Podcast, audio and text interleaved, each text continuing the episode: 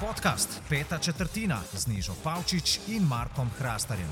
Oh, and they tackle him at the 40 yard line.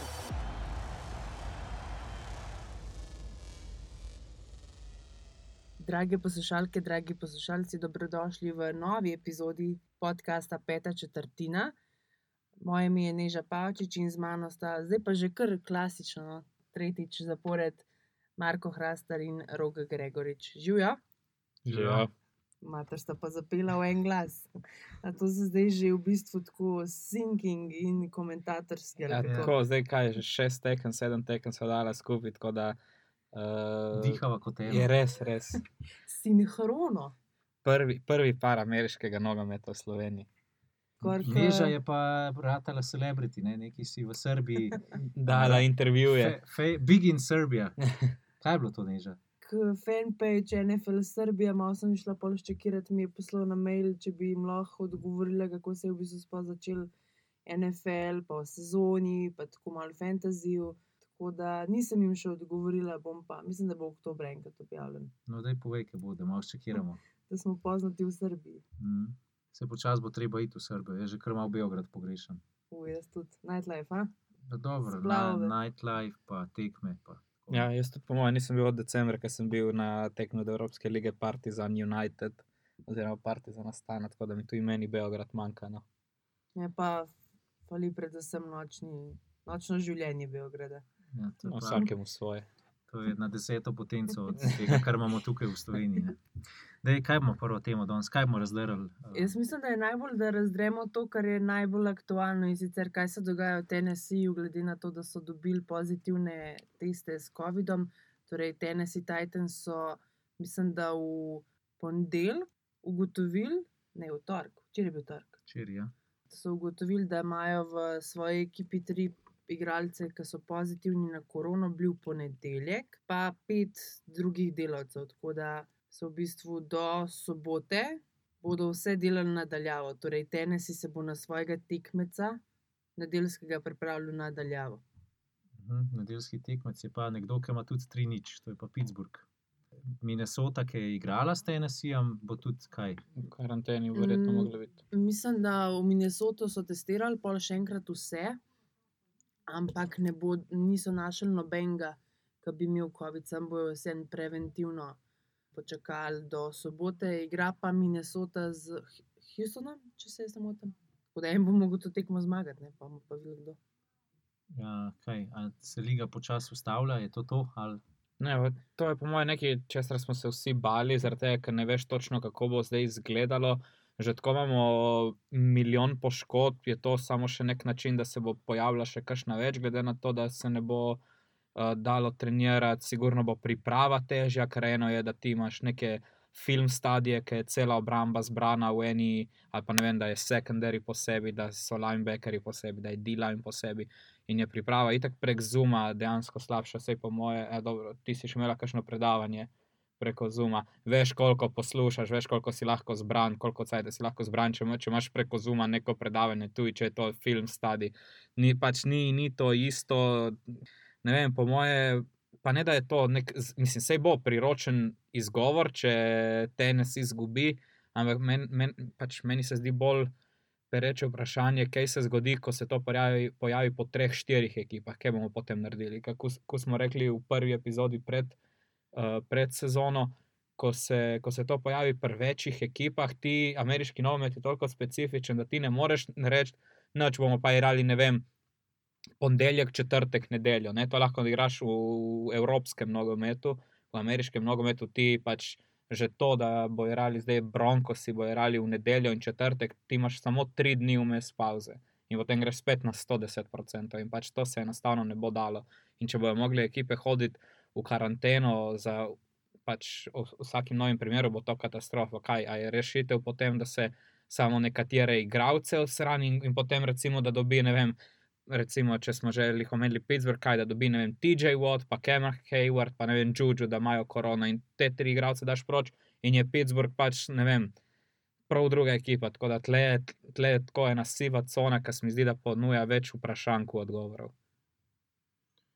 Ja, lej, jaz mislim, da ta zadeva s korono, smo vsi vedeli, da se bo slejko prej zgodila, ker tukaj pa ni balončka. Ne? Uh, v NBA so lepo naredili, da so šli v eno lokacijo, tukaj pa igravca ne moš preprečiti, da ne bojo nikamor smeli, da boš imel vse čas igravce samo na lokaciji, kjer so trening campi. Se mi pa zdi, da to, kar smo prej govorili o tem, da bodo Tennessee Titansi vse delali nadaljavo, to je velik, velik handicap. No. In tukaj je pač Pittsburgh v veliki prednosti za nedeljsko tekmo.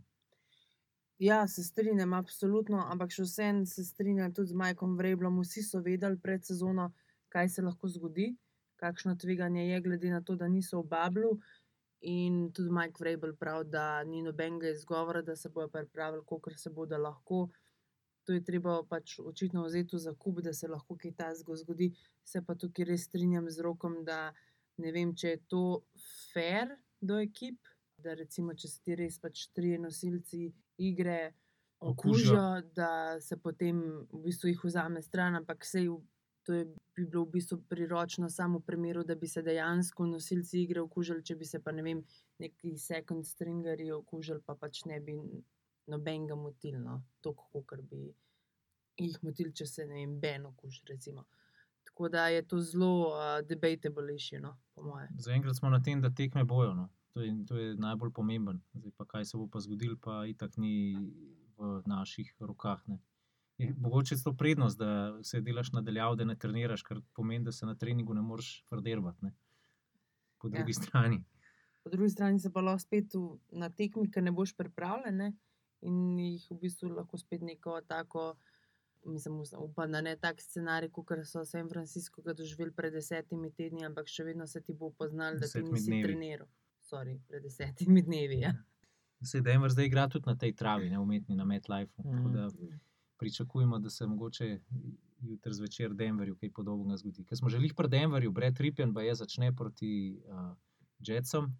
Kakšen je vajen komentar? Jaz sem z, že z rokom, ki smo se včeraj pogovarjali, pozdravil to odločitev Vika Fengija.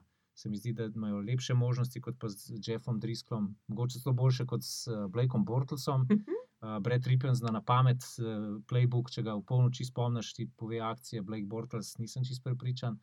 Pa tudi na vse zadnje, Brett Rippen pokazal na tej tekmi, ta zadnji, ki so jo izgubili pred Bokanirsom, da je samozavesten, da si zaupa. Da znaš prestreženo podajo. Ja, dobro, to je zaključuje s tem. Ne? Prej imel pa sedem ali osem. Če imajo celo devet, devet zaporednih. zaporednih zaključenih podaj, se pravi, neko kemijo ima tudi s svojimi soigravci, pa še Filip Lindsay se jim je vrača. Tako da za me so v tej četrtkovi tekmi Denver Broncos uh, favoriti. No? Ker po drugi strani imamo pa Jetσε, absolutno najslabšo ekipo v ligi NFL, mislim, da tukaj se pa vsi trije strinjamo. Mm -hmm, ja.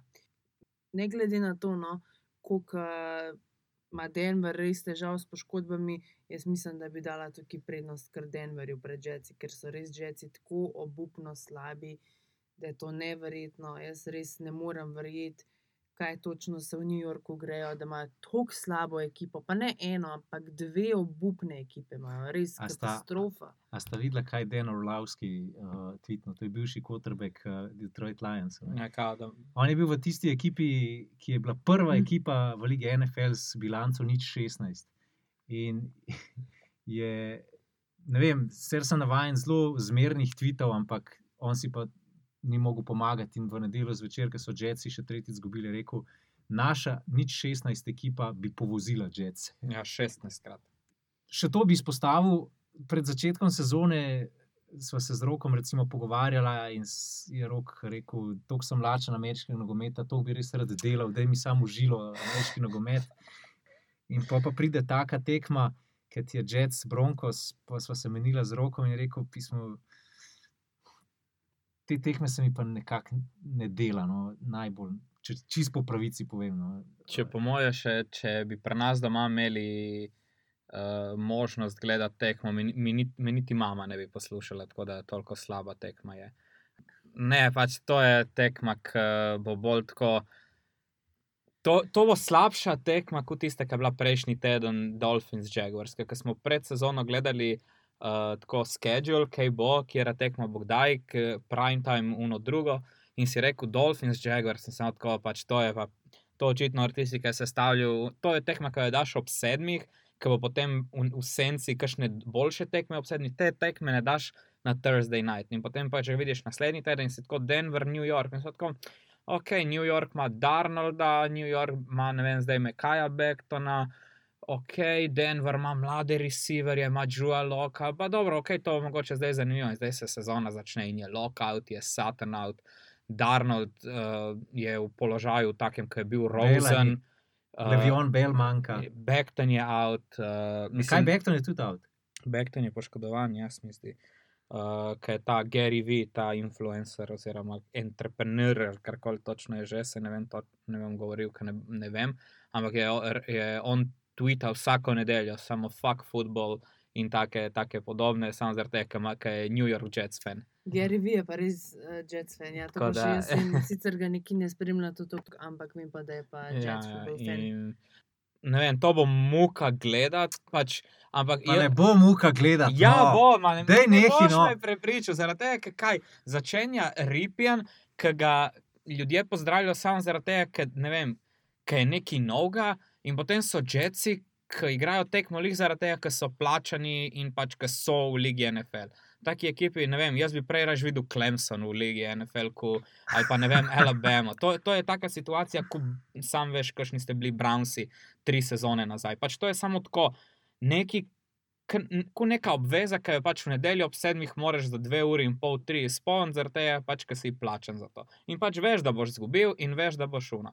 Zdaj, zdaj bo ful slabo izpadlo, če bodo Jetsi zmagali, ampak sem kar, sem kar prepričan, da temu ne bo tako. Uh, Znamo kakšnega Jets fana v Sloveniji, da nas ne bo nabavna. Ma Naj nas nabije, najprej naj se pa jav. ker po Ja. moje Najprej naj se pa jav, ker, ker eh, lani smo iskali kaj, Fena. Dalasa, pa ni bilo nobenega. Ne. No, ampak, anyway, iz uh, Lamar Jackson, Patrick Mahomes gremo na Brad Ripjan, uh, Sam Darnold. Ne. tako da, ja, vidim, imate ta hud prehod. No, Ja. yeah. Zdaj gremo na Monday Night Football. No. Vem, da sta Jaz ne bom Mar- rekel, da je tekma razočarala, ampak je pa razočaral Lamar Jackson. Lamar Jackson, pokazal se je, da je Baltimore izjemno odvisen od Lamarja Jacksona. Pač. In on ni imel svojega dneva, Eh, predvsem napadalna linija ni imela svojega dneva, in potem posledično Lamar Jackson zbral manj kot 100 jardov po zraku. no, ampak Ampak, uh, tako bom, sam še s tem bi zaključil. Ja, ok, Lamar Jackson pa napadalna linija nista imela, nista imela svojega dneva, ampak s tem pa nočem vršiti sence na to, kako zelo dober je Patrick Mahomes. Res fantastično je spet odigral. Znova je pokazal, da dobivamo legendo v nastajanju. tako Njemu Patrick- pač sezona 2020 ne more doživga. Tako Patrick Mahomes, mislim, da ima pač trenutno tak perfect life, da je nevreten. Ja, se, se pravi, leto 2020 na njemu ni pustilo posledic. Po mojem je edini, ki ima res bolano hud let. Tako, v Ja. NFL-u. Prvak. Zmagal je Super Bowl, postal je Super Bowl MVP, poročil se bo, dobil bo otroka.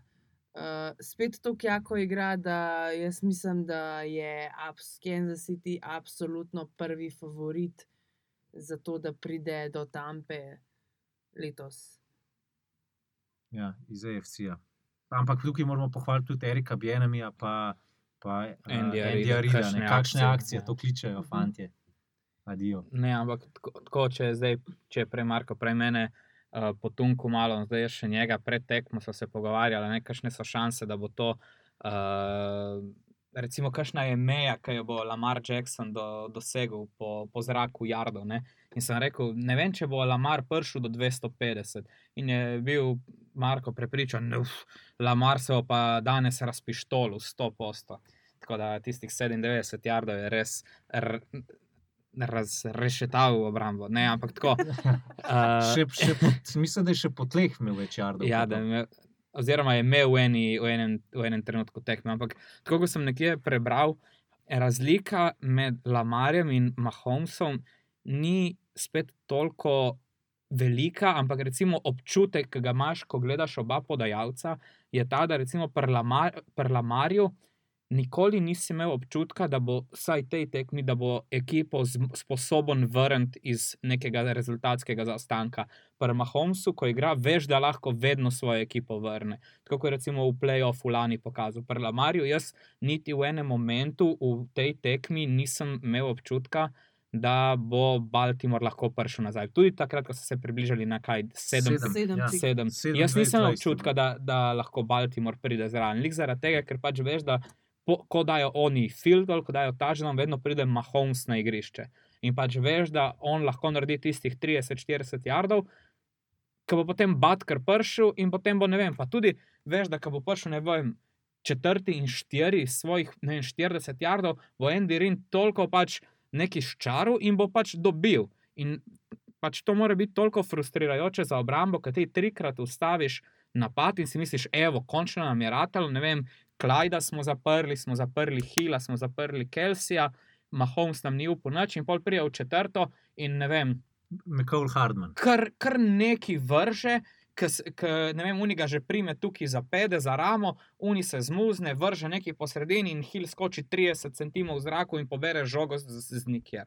In pač to je tako moralo jemajoče igrati proti Kansasu, ker veš, da lahko si na svojih 110 postov, pa še vedno ne boš blizu, ne vem, Kansasu, ki igra na 70 postov svojih zmožnosti. Tako da pač res vsaka čast ekipi, ki, bo lahko letos pač prismrdela Kansasu. Se strinjam. To, kar je Rok povedal o Baltimorju, da, ne, dvo, mislim, da dvomaš o njih, da lahko pridejo, v bistvu, oziroma da si dvomil, da lahko pridejo na, kot američani rečejo, win from behind. Mm. Jaz mislim, da je to tren- problem Bart- Baltimora že kar nekaj časa. Ne samo zdaj v tej tekmi, ampak Baltimore enostavno, če pride v luknjo, se iz nje ne zna več pobrati. Ja, Ker tudi, potem je... Jaz sem se, recimo, to imaš prav. Jaz sem se pogovarjal s enim največjih navijačev Baltimorja v Sloveniji, uh, Ognjem Backovič, ne, bivši rokometaš. On je povedal, mi smo super ekipa, ki vodimo. Ja, takrat mi haramo, takrat še do konca povozimo. Ampak čim mi začnemo zgubljati, mi ne moremo povratka. Tudi lanskrat smo videli proti Brownsom. Čim, so, čim je Cleveland povedal, je pol sam še čap lepo tekel in ni šlo, sam še povečala se je razlika. No. In, Zanimivo bi bilo, recimo, statistiko pogledati, kakšna je statistika eh, Baltimore Ravens takrat, ko, ko zgubljajo tekmo, Lam- takrat, ko. Odkar je Lamar postal podajalec Ravensov, ko so zgubljali ob polčasu, se pravi, kaj je bilo to, da so bile, ne vem, kol, koliko je bilo to tekem, 3, 4, ne vem, karkoli niso nobene tekme Ne dobili. več, mislim, da so 0-9. Ali Se, ne vem, v glavnem Mislim, da pač so zdaj 0-9, odkar, tekme, tekme odkar so ja. Ja. dobili. Ampak je pa nekaj treba povedati, da, da ja, odkar je bil Lamar draftan, so Ja, bili ko je bil 0-9. draftan. No, Ampak evo. ni, bil- ni, bil- ni bil pa vedno starter. no, no, e, ok, potem je No, zaradi to tega. je doubtful stat bil in mislim, da je to bilo uh, tweetnen strani NFL Research akonta na Twitterju. Uh -huh. In je nekdo točno to izpostavil, da v bistvu v vseh teh tekmah Lamar sploh ni igral, ampak No, no, okej. okay. ene par jih je igral še Joe Flacco. No, ampak recimo Kansas, Kansas um, Baltimore oziroma Lamar je v svoji karieri, odkar je starter, izgubil štiri tekme in tri od tega so bile proti Kansasu. Mhm. Tako da pač to je res tak kriptonit, ki, ga- ki se ga ne morejo rešiti. Pa še en zanimiv stat je pa to, da je, da je Mahomes 10-0 v, v septembrskih tekmah. Brez pravi- prestrežene podaje. Ja, brez prestižne podaje, po vseh deset tekem je zmagal. Zdaj se nam je pridružil še poseben gost, Zoran Radisavljič. Lepo zdrav. Zoran, kakšen je tvoj komentar ponedeljkove tekme med Baltimorem in Kansasom? Mal nepričakovano, mogoče, ampak zasluženo. Kansas City sem delal en teden prej in uh, takrat so imeli zelo tesno s, s Chargersi, ampak uh, očitno so jih mečkam podcenjevali, se mi zdi. No. Zdaj pa je stroj za laufa, bi temu rekel. Ne? Ja, jaz se moram posipati s pepelom, glede na to, da sem bil v tej kabini najbrž edini, ki je napovedal zmago Baltimorja. Ne? Rok, ti si napovedal Kansas, Neža, ti si napovedala Kansas, pa verjetno tudi, če bi tebe vprašali z oki. Jaz bi rekel overtime. itak. Pa čez, čez 100 točk, a? kaj tacga. Ne, tam 65. Čeprav že lani, v lanski sezoni je bilo tako, da sta, je bila ekipa LA Chargers tista, ki je že v rednem delu, da poleg tistih tekem, ki so izgubili, pač obviously Kansas jim je lih Chargers, so jim delali največje težave, ker imajo očitno obrambo narejeno tako, da jim delajo največ pač težav. Zaradi tega, ker ima v sekundarju imajo Chargersi. e, Pač, um, recimo Ederlija, dobro, Jane, Darwin James se je poškodoval, ampak to so igralci, ki so safety, ampak lahko igrajo tudi pač bližje liniji, se pravi, ne vem, igrajo nika linebackerja oziroma karkoli in potem tista, ne vem, 4-6-1, uh, postavitev Char, um, Kansasu pač ne odgovarja. In recimo, ko imaš na kornerjih uh, Haywarda, ki je verjetno eden najbolj pocenjenih cornerbackov v ligi, kar se tiče men-to-men coverage, lahko zapreš bodi si Hila, bodi si Kelsija, bodi si pač kogarkoli Ja, si to- vnas bere. Tukaj je bila pa klasična postavitev, je pa Peters čisto je Mene je največje razočaranje te tekme. Mene isto. Jaz sem čakal zaradi tega, ker Peters v zadnjem takem svojem revenge gameu proti LA-ju. Uh, lani je imel Pick Six in je bil najbolj glasen, in je bil vse. Zdaj, je pa, zdaj ker sem čakal, da bo spet kaj podobnega, je pa prav odpovedal. Ja, lahko je bil tih keritka, ki ga je Hill in McCall Hardman sta ga oba dva guzila. Ne. Kaj, kjer od tekmo gremo zdaj naslednjo? Jaz mislim, da glede na to, da je Zoki prišel k nam, mislim, da si Dallas. zasluživa. Dallas. Seattle. Ja, Dallas Seattle, Zoran je delal to tekmo. Ne. Zorana so fanti iz Dallasa pa iz Seattla mučili, mislim, da tri ure pa pol. Ja, ampak je bilo fino, tako zanimiva tekma. In, uh, uh, DK Metcalf je ime, ki bo živelo v analih. Uh, to je bila vrhunska poteza. No. Mislim, vidva sta tudi tole gledala in mislim, da smo se vsi za glavo držali. No, mislim, na koncu je Seattle zmagal, ne. ampak če ne bi zmagal, pač bi DK Metcalf še malo bolj na treningu, verjetno slišal med tednom. A ga ima kdo od vas v fantasyju slučajno? Ne, imam To ne, Wilsona. ampak jaz imam Wilsona, ampak, ampak Wilson je naredil svoje. Ampak uh, meni je bilo nekaj drugega všeč. Ne. Recimo, Metcalf je tam se je delo Leona leta in se je Mhm. norčeval in gor dol. Ampak potem je bilo konec akcije in je prišel Russell Wilson do njega in je rekel: OK, no panic, next time, buddy. In to je to. In to je lider, ne. to je, to je vodja. Ni, da bi se drl na njega, pa metu na tla, pa tako kot bi bilo, ne vem, recimo tam pri futbalu, če gleda kdo. Ne. Mhm. Ampak tukaj se pa vidi, kdo je nek vodja ekipe in Russell Wilson je za me res car. No. On je že v pred četrtim tednom letošnje sezone MVP, ne? v očeh mnogih. Mislim, se bo moral do konca še harati, ne? ampak No, če letos ne dobi prvega glasu, oziroma glasova za E- MVP-ja, Mm. potem ne vem, kdaj ga bo. No. kaj sem prebral na Twitterju, lih preden smo začeli snemati, da bi lahko Russell Wilson vrgel, mislim, da 49 pik, uh, mislim, interceptionov, Nasled, naslednjih 49 metov bi morali biti interceptioni, pa še zmeraj bi imel boljši QB rating kot recimo Carson Wentz. Pa se bomo lotili filija zdaj. Ker to je pa še ena ekipa, ki je. Da ne bo šla v Chicago, pa ne, quarterback si U, Ne, to nas še čaka, to bomo še raustali kasneje. Ej, dajmo sam še quarterback situation, ker Ja, ga ne, še Trubinski ne bi zadev peska, če bi padel s kamele. Ne, Ampak a ste videli tisto primerjavo? Ista akcija, isti, ista tarča, isti lovilc. Uh, Fowles je vrgel touchdown, Trubinski pa je vrgel 5 yardov predaleč. Tako prav ista, i- pravno cam to cam je bil pač simulation, Ja. ja. pač posnetek in je, ne vem, je To- konc za Trubiskija. Ja, ne vem. No. Jaz, uh, ker sem videl, da je, da je Trubijski benčan, sem mislil, da je kaj poškodovan, ampak zgleda, da je med negi, kar med tekmo mu je že plafon odnesel, pa je rekel, zdaj pa dost. A je kdo videl uh, Mednov simulation pred sezono? Ne. Ker lansko leto so Charger, ne, kaj so, Kansas City zbrali, da bojo zmagali. Letos koga so zbrali Madden simulation?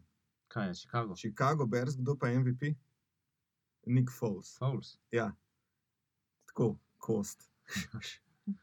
Fuh, samo, mislim, zdaj bi mogel. za debato. No. Zdaj bi, mislim, bi mogel, glede na to, da je šele zdaj četrti teden, bi mogel Falls res nekaj odpeljati, ampak ob dejstvu, če bo Chicago nadaljeval, zdaj ne vem, da je ob 3-0, da ne vem, konča, kaj je zvem, magično, da ne vem, 12-4, po ne vem, kakšnem na ključu in da ima Falls res take dobre številke. Ja, bi lahko, sicer ne vem, če bi, če bo, če bi lahko rekel, da jih vidim po ne vem, kakšnem na ključu v Super Bowlu, pa še to, da bi ga zmagali. To mi je že tako malo kar eh, streč. Ampak Ampak NFC je, kot se meni zdi, no, tisti vzhod, itak, tudi če ga ne bi bilo. Senci grejo nadol, tam Brady, je- kaj pa vemo kaj. Zahod so pa dobri vsi, ne. Mhm. Sam zdaj vsi ne bodo v playoffu. Vse to smo rekli saj veš, v, ena tekma gor dol. Ne. ja, v epizodi pred začetkom sezone, da je NFC West Uh, verjetno divizija, ki je prvi favorit za med tri ekipe v končnici, NFC East pa prvi favorit za zgolj enega. ne. Ja. Tako da tem, da bojo Cowboysi tam zmagali, pa bojo imeli doma tekmo, pa nikoli ne veš, kaj bo. Vse tako. Če, mogoče se celo zgodi, da prvič po kaj Seattlu, ne, uh, da bo uh, ekipa dobila divizijo z negativnim skorom. Takrat ja, je bil Seattle tem, da je 7-9. Seattle takrat pol Sence premagal, mm Mhm, -hmm. ker so bili prvaki en Ja. let prej. da. Kaj je to bilo 2010? mm, Ja. ja. 12. Po, Ne, takoj, ko 20, so sorry. Senci so branili naslov. ne. Ja, Mhm. tako Ko so da- rekli, imeli so pa koliko 11-12 zmag, Mhm. ti so imeli pa 7-9. Pa so jih lepo izločili. Ja, pa hvala lepa tam. S tem, da še ni bilo Wilsona, ampak je Hasselbeck. Hasselbeck je bil. Tako da. Sam veš, domača tekma, Domača. Seattle, se veš, galama. In verjetno se bo takrat lih uh, navijači, verjetno že smeli vrniti in Jerry World bo, bo pokul po šivih. In, Sej Jerry Ward je bil že prejšnji teden 25 tisoč. Ja, vse so. Pa še zdaj se una žoga kot ta. Jaz zdaj le delam ruski se- hokej, polna dvorana. Tako da uh, lepo se imejte, Ja. ja. pa grem nazaj. Zoran, hvala. Ajde. Ajde, Ajde. čas, zoki. No, kar neki kosti nam je zoki vrgu zaglodati, pa dajmo ti, tam se ustaviti, ker si ti prej rok začel Eagles Cincinnati. Jaz sem mislila sred te tekme, nekdo je tudi to tvitno in jaz mislim, da je to blazno smešen, da mislim, da Filadelfija pa Cincinnati igrati do polčasa Sunday night. ne. Ker Ne, to je pa tako negledljivo. Jaz sem vesela za Eagles, da ne morejo imeti fanov na, domačem, na svojem domačem stadionu, ker mislim, da bi s Filipini bilo to katastrofa. Ne vem, meni se zdi, da je to tako z različnih vidikov lahko gledaš. Recimo Cincinnati je to remi, ki je sk- skoraj kot zmaga, medtem ko za Filadelfijo je to uh, remi, ki je skoraj kot poraz. Pač, tak začetek sezone si, po mojem, niti najbolj pesimistični navijači od Filadelfije niso znali predstavljati. Že to, da so izgubili proti Remsom, je bil marsikdo pač presenečen. Um, ampak to, da ti enih Bengalsov, ki so ekipa, ki so, ki so šele začeli vzhajati oziroma odraščati v nekaj resnega, je, je tako, da lahko pržgeš alarm. Zdaj, kaj se bo zgodilo, težko napovedati, ampak za Karsona Wenca, da se, ne vem, tudi play calling je bil tako zelo, zelo vprašljiv. Pa tudi na koncu se mi zdi, da mi je, če se prav spomnim, da je bilo tako, da so oni imeli za igrati v četrto, pa je Peterson rajš pantu, pa je igral na remi. Tako da meni je tudi to nerazumljivo. Pač rajš umri pokončno, kot da si pač dobesedno neka cicija. Pač te odločitve, da ti ne rajš umreš pokončno in rečeš, kao, verjamem svoje fante, da konvertamo ta četrti in ne vem točno koliko je bil, ampak neki fort and short. Pač in rajš pantaš in verjameš, da bo obramba zadržala, da boš ti stržil remi iz tekme. To pač ni znak trenerja, ki ver, najprej ki verjame v svojo ekipo, pa neke šampionske ekipe, ki bi pač lahko imela neke aspiracije. Tako da to je zelo slabo. Če lahko zdaj prekinem za breaking news, NFL is postponing Sunday's matchup between Steelers and Titans. No, to, to pa zdaj komplicira celotno zadevo. Očitno bodo zamenjali, mislim, da bajvike. Če ima, a ima, ima sta isti bye week, potem moraš ti celoten schedule spremenjati in da boš potem spet spremenil za naslednje ekipe, ki bo to imele, to, bo, to bomo lahko Super Bowl igrali aprila, če bo šlo tako naprej. Uh, v bistvu Diana Rosini pravi, da nedeljska tekma med Steelersi in Titansi bo v bistvu predstavljena, ampak da bodo lahko jo igrali tudi v ponedeljek kot Monday Night Football, da bi imeli double header, Dva. očitno.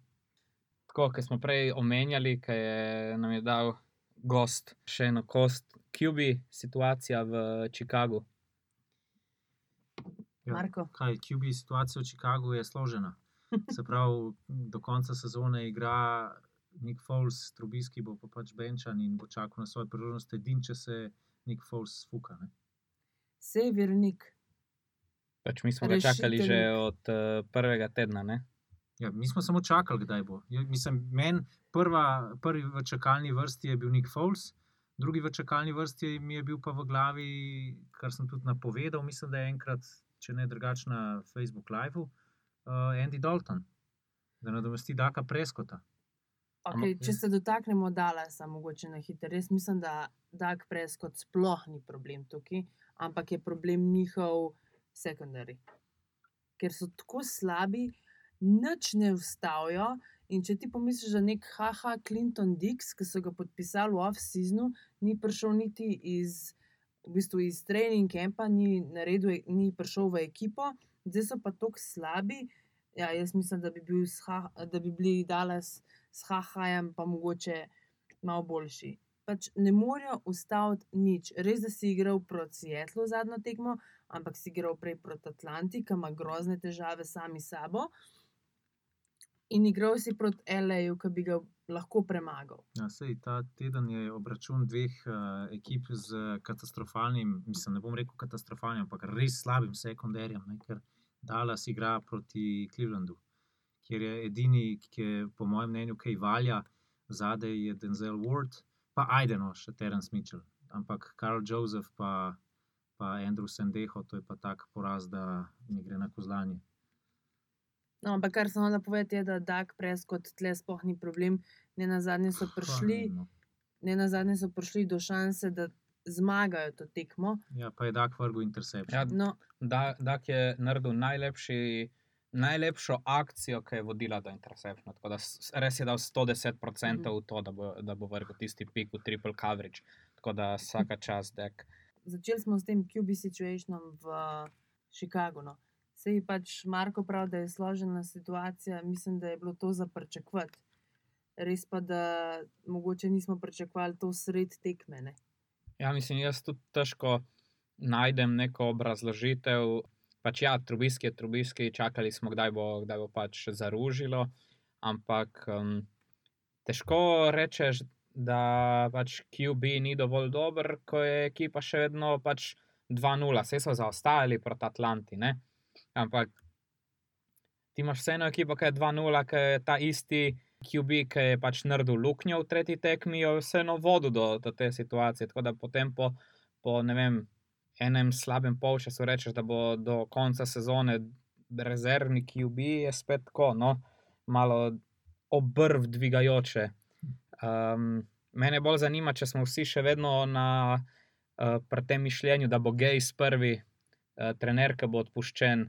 Recimo, jaz imam mnoga favorita, ne Ja. Dan Quinn. Ja, Sej, jaz sem Dana Quina že prejšnji teden, oziroma na prejšnjem podkastu, tudi postavil na vročo stolico.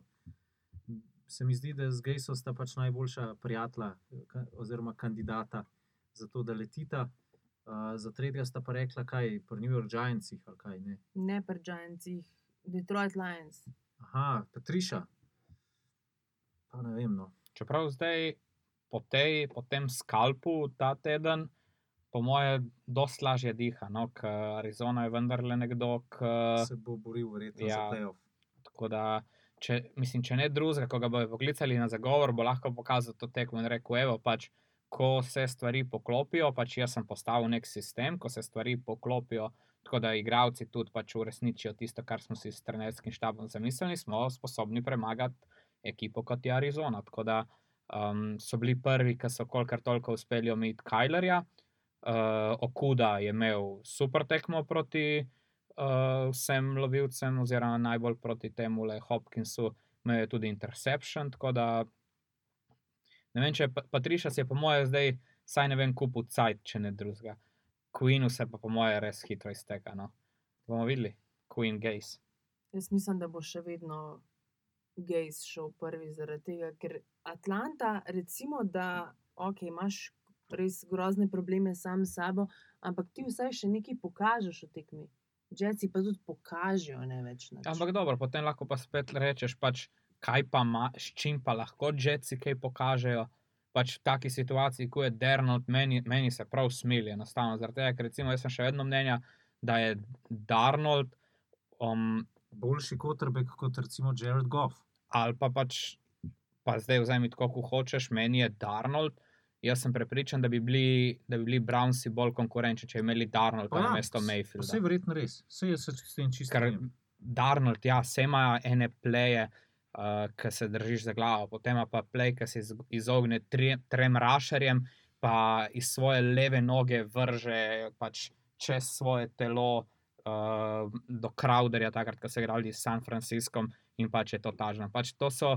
To so poteze, ki jih lahko zmore res dober, pač sposoben QB. Ja. Ampak pač v taki situaciji, ko imaš, da pač ti je po ne vem, dveh sekundah in pol, treh um, nasprotnik že v faci in da si ti ne vem, petkrat, šestkrat na tekmo po tleh, da si vem, na 50% svojih dropbackov, pač da si pod pritiskom ali pa da si pač dobesedno, pač ja, da nimaš časa, da nimaš možnosti us- uspeti.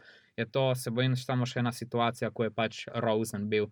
Da najprej je prišel v, v Arizono in je imel najslabšo, ne, najslabši online v celotni ligi, uh, pol so ga pa tradili v Miami in pač imel isto drugi najslabši online v celotni ligi, in potem ajde, potem Fitzpatrick pokazal, da neki se pa le da narediti okolje, ampak to je spet pač nek veteran, ki lahko dela tudi z malo manj, medtem ko nek otrok, če temu lahko tako rečem, ki pač rabi tudi neke dobre, pozitivne feedbacke, da, da pač zmore, da je konkurenčen in pač če priješ tako, um, recimo še, da si, ne vem, taki igravci, ki ne uspevajo, so ponavadi tudi bolj introvertirani in tako da so malo bolj plašni.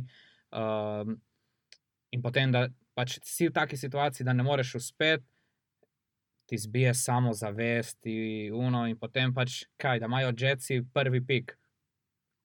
Kdo, kdo bo rekel, da oni ne zberejo Lorenza? Ja, verjetno res. Mislim, meni se Darnold tudi smil. Pa se se ti vsak igralec smil, ki recimo vidiš, da je potencial, da je talent, igra pa v neki gnili franšizi. Ne? Pač neka črna ovca tam in sem Darnold, kot si rekel.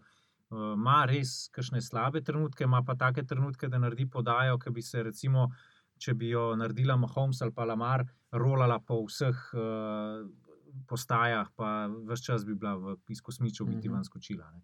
Mislim, Ja. da je to tudi nekdo zanč na Twitter napisal, da zato ker, ni, zato, ker je to naredil Darnold, ne pa kakšen tak bolj. Renomiran, um, quarterback ja, ali se. pa ne vem, bolj uh, NFL's darling QB, ne, se pač o tem ni nič pisalo ali pa postalo. To se mi zdi zelo pomembno, no, kar je Rok povedal. Uh, Podcenjujemo to dejstvo, da nekateri quarterbacki v ligi imajo tako dobro napadalno linijo, da si lahko prvoščijo pač luksus čakati, če pet noter v žepu, po pet, eni celo več sekund, pa zbirati, komu bojo vrgli, pa da se jim odkrije igralec. Eni taki ljudje, ki so pa recimo Sam Darnold, ne, imajo pa une dve, tri sekunde, pote pa zgazi valjar. Ne. Zdaj se moraš pa pač v unih dveh, treh sekundah odločiti, ko, na koga boš vrgel, pa natančno žogo vrš maksimalno. Pač, eno je to, da, tako kot si sam rekel, da imaš ti čas, drugo je pa ne vem, da se. Um, Da pač imaš ta dropback, narediš tistih 5 do 7 korakov in pogledaš svoj prvi red, in je pač uh, lovilc pokrit, pogledaš svoj drugi red, je lovilc pokrit, in preden prideš do tretjega, kaj šele, da bi prišel ne do četrtega, oziroma da bi se vrnil nazaj do prvega, da vidiš, če je uh, lovilc naredil separation, pač si že po tleh. Ni, nimaš časa in potem imaš kaj še na lovilcih, imena, ko so kaj. Jameson Crowder, ki je v najboljšem, recimo, top 15 slot receiver, ne receiver nasploh, in potem kaj drugo ime, Braxton Berrios. In kje boš karkoli imel od tega? Ja. Se pravi, najprej malo časa za to, da se odločiš, pa pa še takrat, ko vržeš, ti bo drop, a ne, Tako ko si pa pečen. ne. Sej zdaj govorimo o tem, da to ni kriv Darnold. Ne, Ne, ne, To ne, je ne daleč kriv- od tega. Večinoma je to kriv pač GM Jetsov. Ja, no, pa tukaj- gejs, ne, pa gejs. Ja, ampak Gejs bi moral tukaj- pač o, o, s temi resursi, ki jih ima, pač prilagoditi igro, ne, pa je očitno ne zna. Ja, to smo se že v prejšnji epizodi pogovarjali, da je Gejs največji trenerski nateg zadnjih deset let. QB Whisperer je katastrofa. Jaz mislim, da masko ima tako leči pod ušmi, tudi če si jo še malo gor potegne, bi bilo za njega najboljš in da pač, ko, skum, a ja, Jetsi igrajo z Denverjem. No, recimo, da bojo imeli ta teden še kakšno šanso več, ker Ja, dobro, no, sam Denver je na večini stvari, na večini pozicij pokrit malo boljšno. Mm. Je pa tudi, to so pa tudi z rokom opazili, ker so delali Denver proti Tampi, ne, da tudi Jeff Driscoll ni imel lih prav veliko časa, da se znebi žogi. Ne, to je isto. Tiste 3 do 5 sekund max. Ne. Tako da tudi Brett Ripjan bož, da se pripravlja na to, da bo zip, pa takoj se znebi žoge. No, No, dobro, je pa tudi res, da si ti igral proti PSRašu od Tempe, ki spet ni tako slav.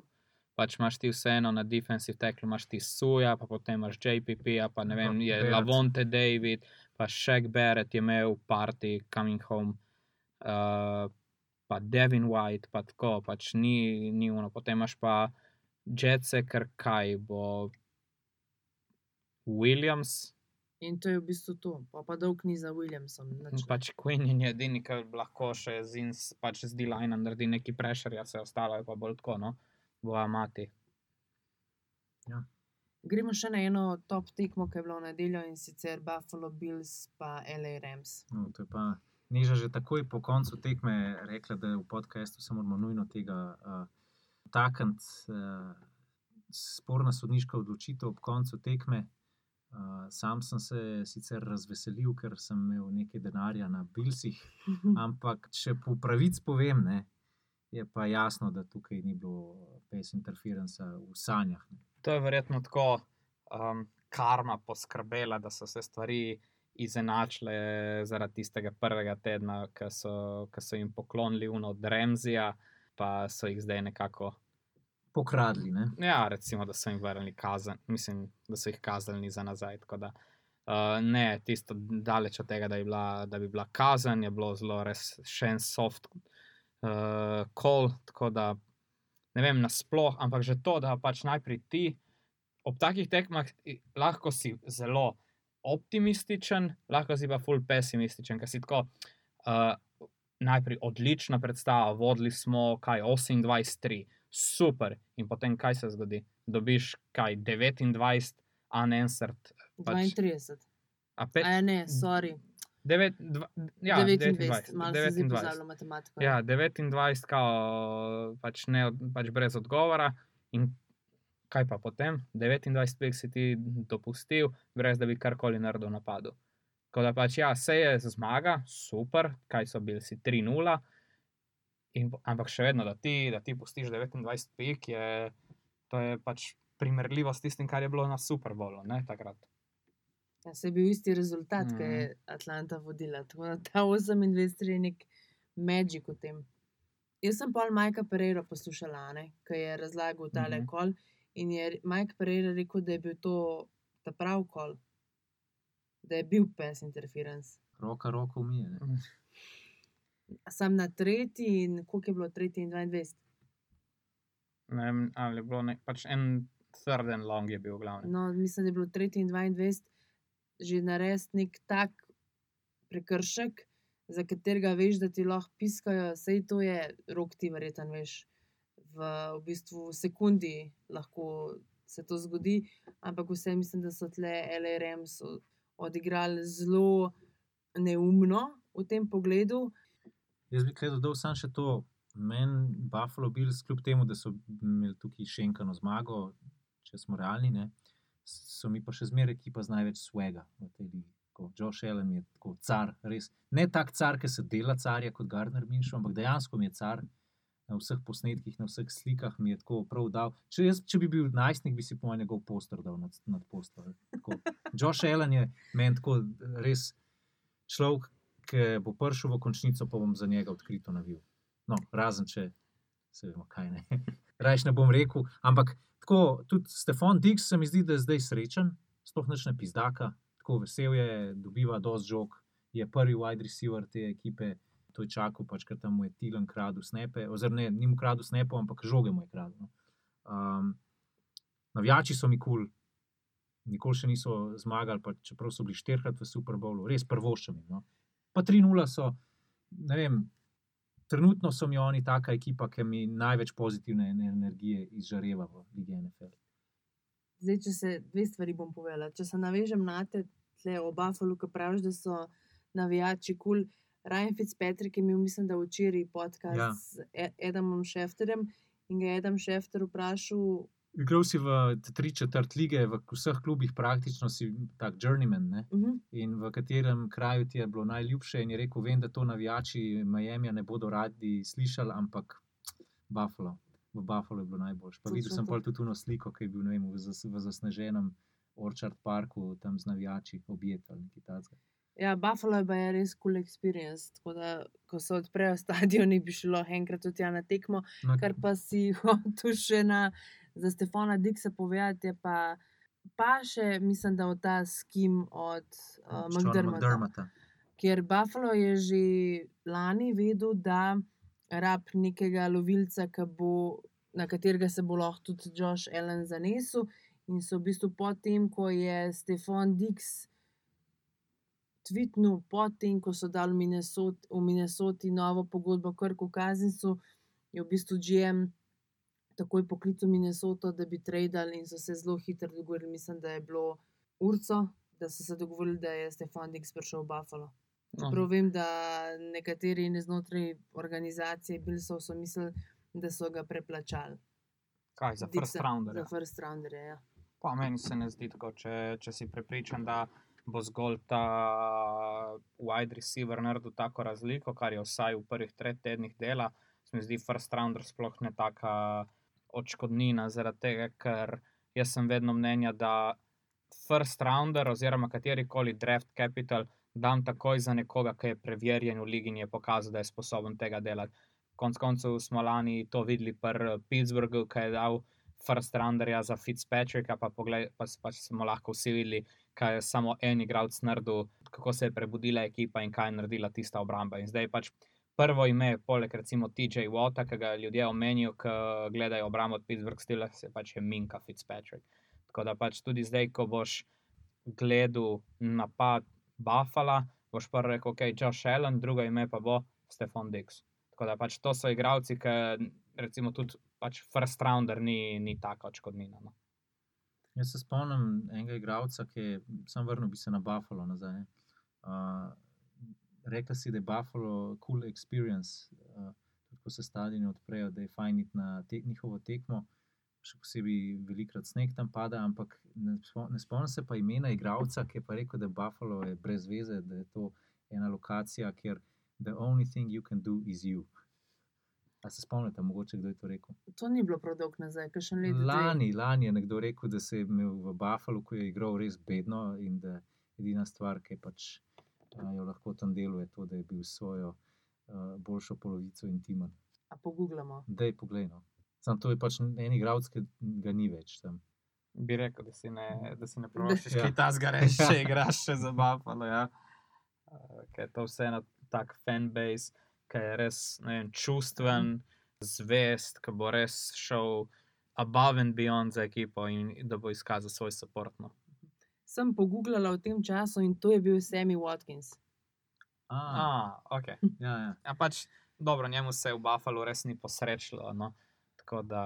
Nikoli nam pozabil enega navijača, ki je kupil njegov dres en dan, preden je podpisal. Ne, v bistvu je kupil dres isti dan, ko je Sammy Watkins podpisal za Kansas City Chiefs. A to slovenca. Ne, ne, ne, en, en američan pač na Twitterju je dal tako. Je bila samo taka situacija. Ue, ue, ue, ue. No refunds. No, se tako se je zgodilo, sicer to ni povezano z ameriškim nogometom, recimo to, kaj se je zdaj zgodilo med korono. En navijač od Wolverhamptona je naročil dres od Meta Dohertyja in je rabu 21 dni, da je prišel, medtem je pa človek že podpisal za Tottenham. In je dobil tako en teden po tistem, ki je podpisal za Tottenham, je dobil uni dres domov, kao Wolverhampton. Je bil samo tako, kao 2020 na nutshell. Ja. Koliko ekip imamo zdaj, ki so 3-0? 7? Sedem, Ja, pa, kjer rokov intruder je pa. Pač je tista igrica, ki je zdaj vsi igrajo, ta Among Us, ki je res dober, eh, dobra igrica, ki je pač kao. Koliko je osem igralcev, in je kao dva sta impostorja, in potem pač moraš ugotoviti, kao vsako. Pač impostor, edina naloga, ki ima, je to, da pač nekoga ubije, in potem pač uh, igralci, ki laufajo okoli po tej mapi, ki morajo delati kao neke naloge vmes, pač potem vsako rundo, ko dobijo, pač najdejo dead body, kao morajo pač izločiti enega, ki mislijo, da je ta impostor. Ne? In pol je pač rado cel ta mim, kao vsi, uh, vse ekipe, ki so 3-0, in potem je pač kao, there is one impostor, kao Among Us. Ja, In je pač- ta impostor, ki si ti namigoval na njega, če se ne motim, je to Chicago. ne? Ja, To ni, ne štrli več tako ven zdaj. No. meni pa zelo, joj, Zakaj kako ti ne zelo. štrli? Meni, meni je Jaz to, mislim, da je ta njihov 3-0 taka varka. meni isto, jaz, je, meni, ne, ne Meni men pa, men pa ne, no. ni, ni to najbolj, eh, po, ni najbolj priljubljeno mnenje, to, ne.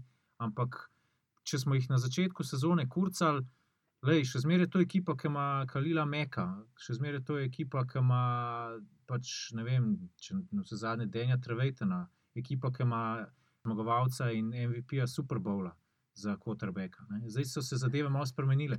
Ne vem, čist nič, čist nič bolj čuden mi ni ta trinič od Chicaga kot trinič od Tennessee Titans. Kaj pa oni? Oni so pa vse tekme dobili, je dva kis.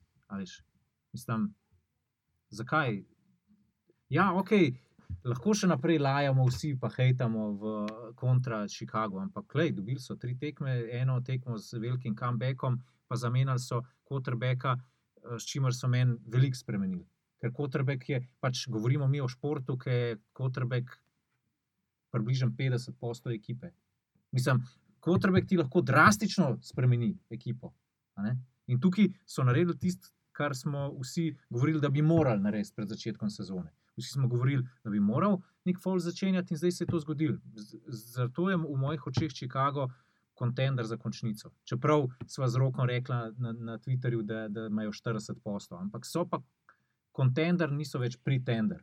Zapiš 30. september. Zapišimo 30. september eh, 2020, Chicago Bears eh, v napovedi Marka Hrastarja, že v playoffu.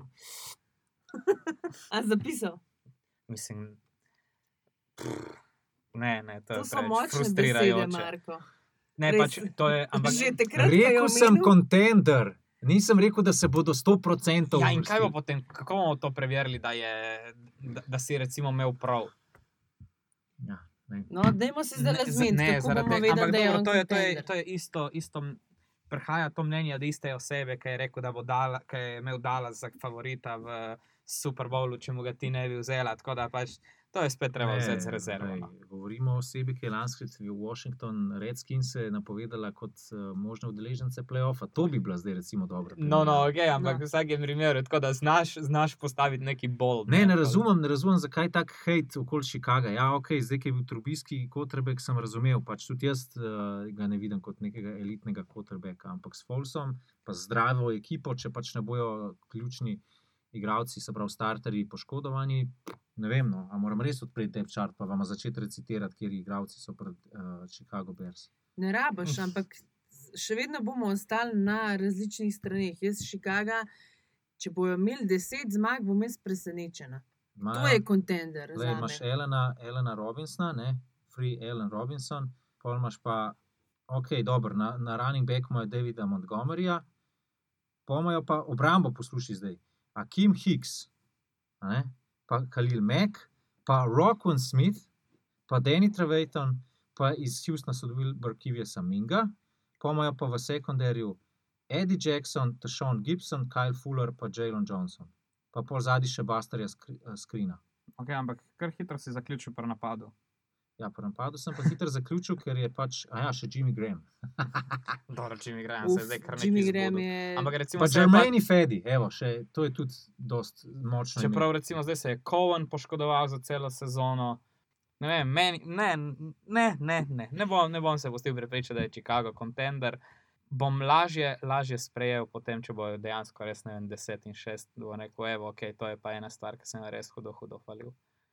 Mislim, da se moramo pogovarjati o eni drugi ekipi iz NFC North in sicer Green Bay Packersih, ki so se pomirali v nedeljo z Senci. Kaj se dogaja s Senci? Ja, Dogaja- Bri, Bris je padel z klifa. Ne, pa dogaja se to, da Drew Brees očitno nima več tako močne roke, ne vem, kaj ga je načel.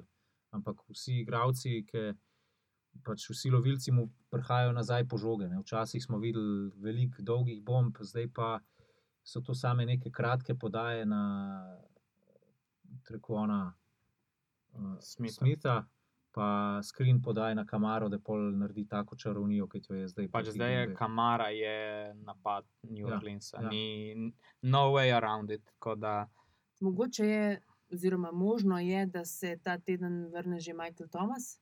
To bi pač bilo res, da okrenejo celotno stvar. Meni so pa Packersi pač res pokazali, da kuda bi Rogers rabil tisto neko brco v red s tistim izborom Jordana Lova. Pa v Uh, bistvu celo to off-season, kako res, se se je grejo. govorilo o njemu. Ja. Ampak zdaj je spet po drugi strani za, za razmišljati, kaj bi se zgodilo, če bi dali recimo Rogersu s tistim first roundom, ki so dali za lova, če mu dali enega še kompetentnega receiverja, pa če bi mu na mesto pač AJ Dylana, ki še vedno igra Aaron Jones in Jamal Williams, igra sta pač super. Um, kaj bi se zgodilo, če bi dali, ne, če bi mu dali, ne vem, uh, res receiverja, pa da bi dali, ne vem, še enega linebackerja, ki so, ki so pač izgubili Martineza, pa Fekrela.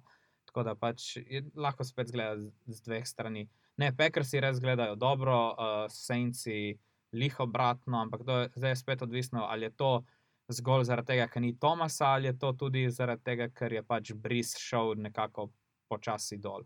Tako da me zanima zdaj, če se Tomas res vrne, ali bo to spet tako, da bojo Saintsi um, spet zmagali tako prepričljivo, ali bo tako spet res nek reality check in bo treba pač pržgati alarm, da je, da je era druga brisa pač končana. Meni je fascinantno pri Green Bayu to, da ne vem, kje sem prebral že, da je Aaron Rodgers v življenju vrgel samo dva touchdowna. Ja, v celotni svoji karieri je Aaron Rodgers vrgel dva touchdowna človeku, ki je bil first rounder na draftu in to je bil Mercedes Lewis Mm. obakrat. Ostalo pa sami igralci, ki so bili ali druga, tretja, četrta, peta, šesta, sedma runda ali pa undrafted. Mm. Se pravi, Kaj bi bilo, če bi ti imel enega first rounderja? Že če bi imel enega Justina Jeffersona. Če bi imel ti Higginsa, če bi imel ne vem, Michaela Pittmana ali pa ne vem, pač ma, si imel receiverje letos, ki bi delali razliko tisti, v tisti prvi rundi, ne konc koncev Justin Jefferson je imel zdaj ta teden 175 yardov, tako da kaj bi bilo, če bi bilo. da sem, dajmo pogledati iz druge strani. a ne. Recimo, rajš temu, tako da je Green Bay mojster za draftanje eh, wide receiverjev tudi v poznih rundah. No, to Zakaj ne bi tudi tako gledali na zadevo? a ne?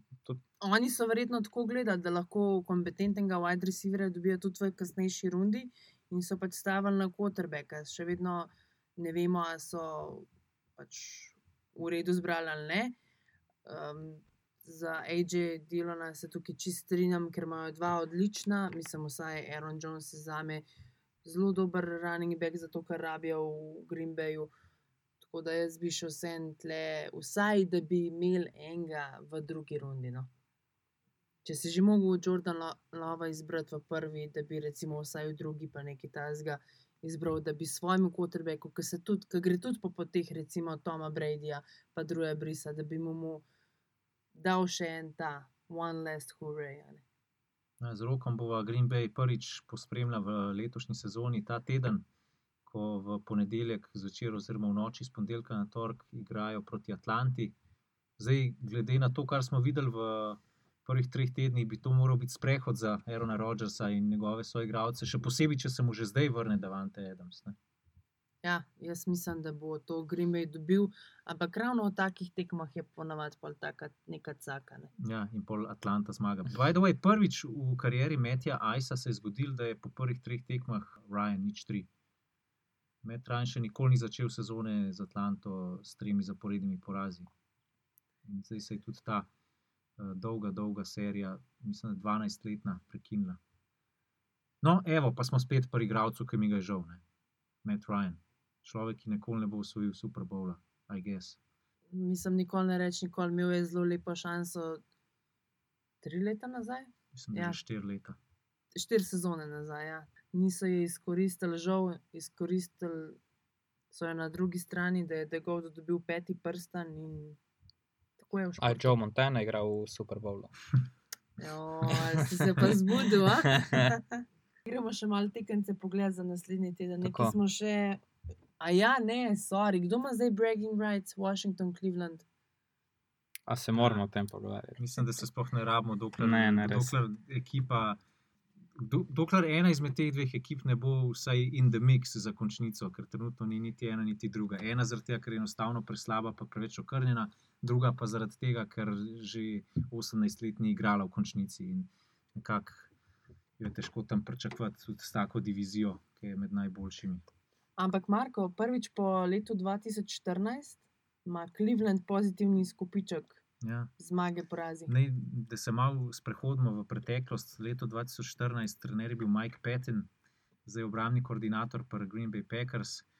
Znašli so se v situaciji, ko, so bili, ko smo bili tik pred končnico z bilanco 7-4, no, pol se je pa sezona zaključila s petimi zaporednimi porazi in je šlo vse down the toilet.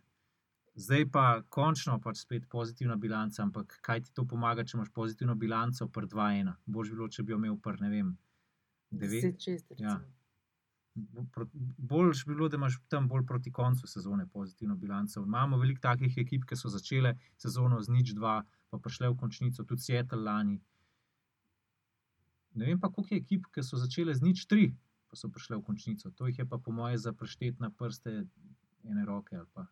To bomo pogooglali, mogoče do naslednjič, da bomo pogledali, kje so 0-4, recimo, da To bi videli, ker To pa ne vem, če ga boš našla, junaka. Ampak, eh, ja, dej, gremo si malo pogledati, kje tekme so ta teden. tele Denver pa New York Jets ne bomo prav posebej omenjali, jutri bo ta vidva delala. Ena, ki je meni recimo zelo zanimiva, Buffalo, Raiders Bills, to je. ja, Buffalo, Las Vegas. Sunday night football, Filadelfija, San Francisco, Ena bolnica, ena pa ena, umobolnica.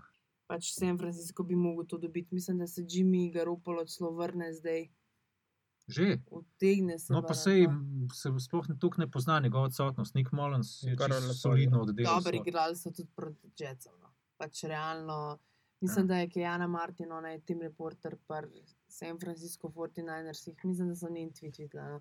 da je retvitala brez koga, vse so bili San Francisco ta teden in so še vedno zmagali. Tako da, ok, to je pač tako. Proti Jetsom so igrali. Kjera ekipa bi lahko ta teden presenetila? Kjer je ekipa? Washington. Ja, sigurno. Proti Baltimorju igramo. Odvisen, kaj za te presenečenje, a tiste ekipe, ki so na stavnici podcenjene ali kaj. Recimo. Bears. Bears igrajo z Indianapolisom. Meni se zdi, da bi lahko Chargers presenetili Bakse. Nekako imam občutek, da bi lahko Jaguarsi premagali Bengalse, glede na to, da so Bengalsi favoriti. Okay. Ostalo pa ne vem, vse Texans, Vikings pa niti ne vem. Tudi mislim, da so Texansi favoriti. Texansi favoriti, ampak ta tekma bo itak mogoče tudi predstavljena. Ja, mogoče celo. Ja. Rok, se mi zdi, da imaš nekaj zapovedati glede teh favoritov. Ne vem, jaz isto gledam ta spored, pa ne bi rekel, da bi, da bi najdel še kakšne tekme, zaradi tega, ker ne vem.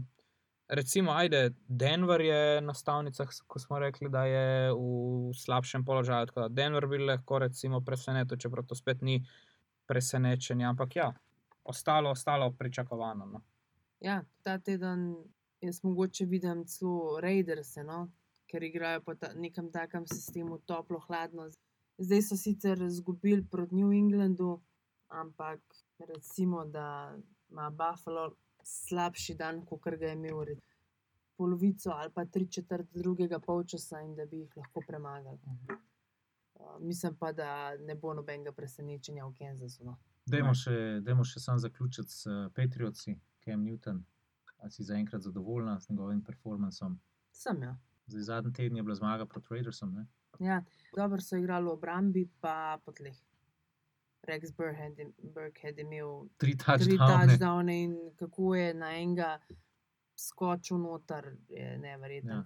Mislim pa, da tudi tisti pik, ki ga je vrgel Cam Newton, ni bil nič tako slabega, ker je v bistvu iskal lovilce in dejansko Abrama tam sploh ni videl. Vsakič no, se vprašam, res, kako je ta, ti bi bil tri mesece brez službe, ko imamo pa ene take, recimo Jacksonville, ki ni rešitve. Sploh tisti, mislim, da je bil ran za first down, ki je sam pre, pretekel, ki se je dvema omaknil in pol je sam stekel. Dobro igra, res. Je pa res, da recimo tudi Cam Newton ve, da je to najprej pogodba sam za eno leto, ker on svoje četice otrok, mislim, da jih ima pet, tudi ni pripel še v New England, torej njegova družina še vedno živi v Severni Karolini.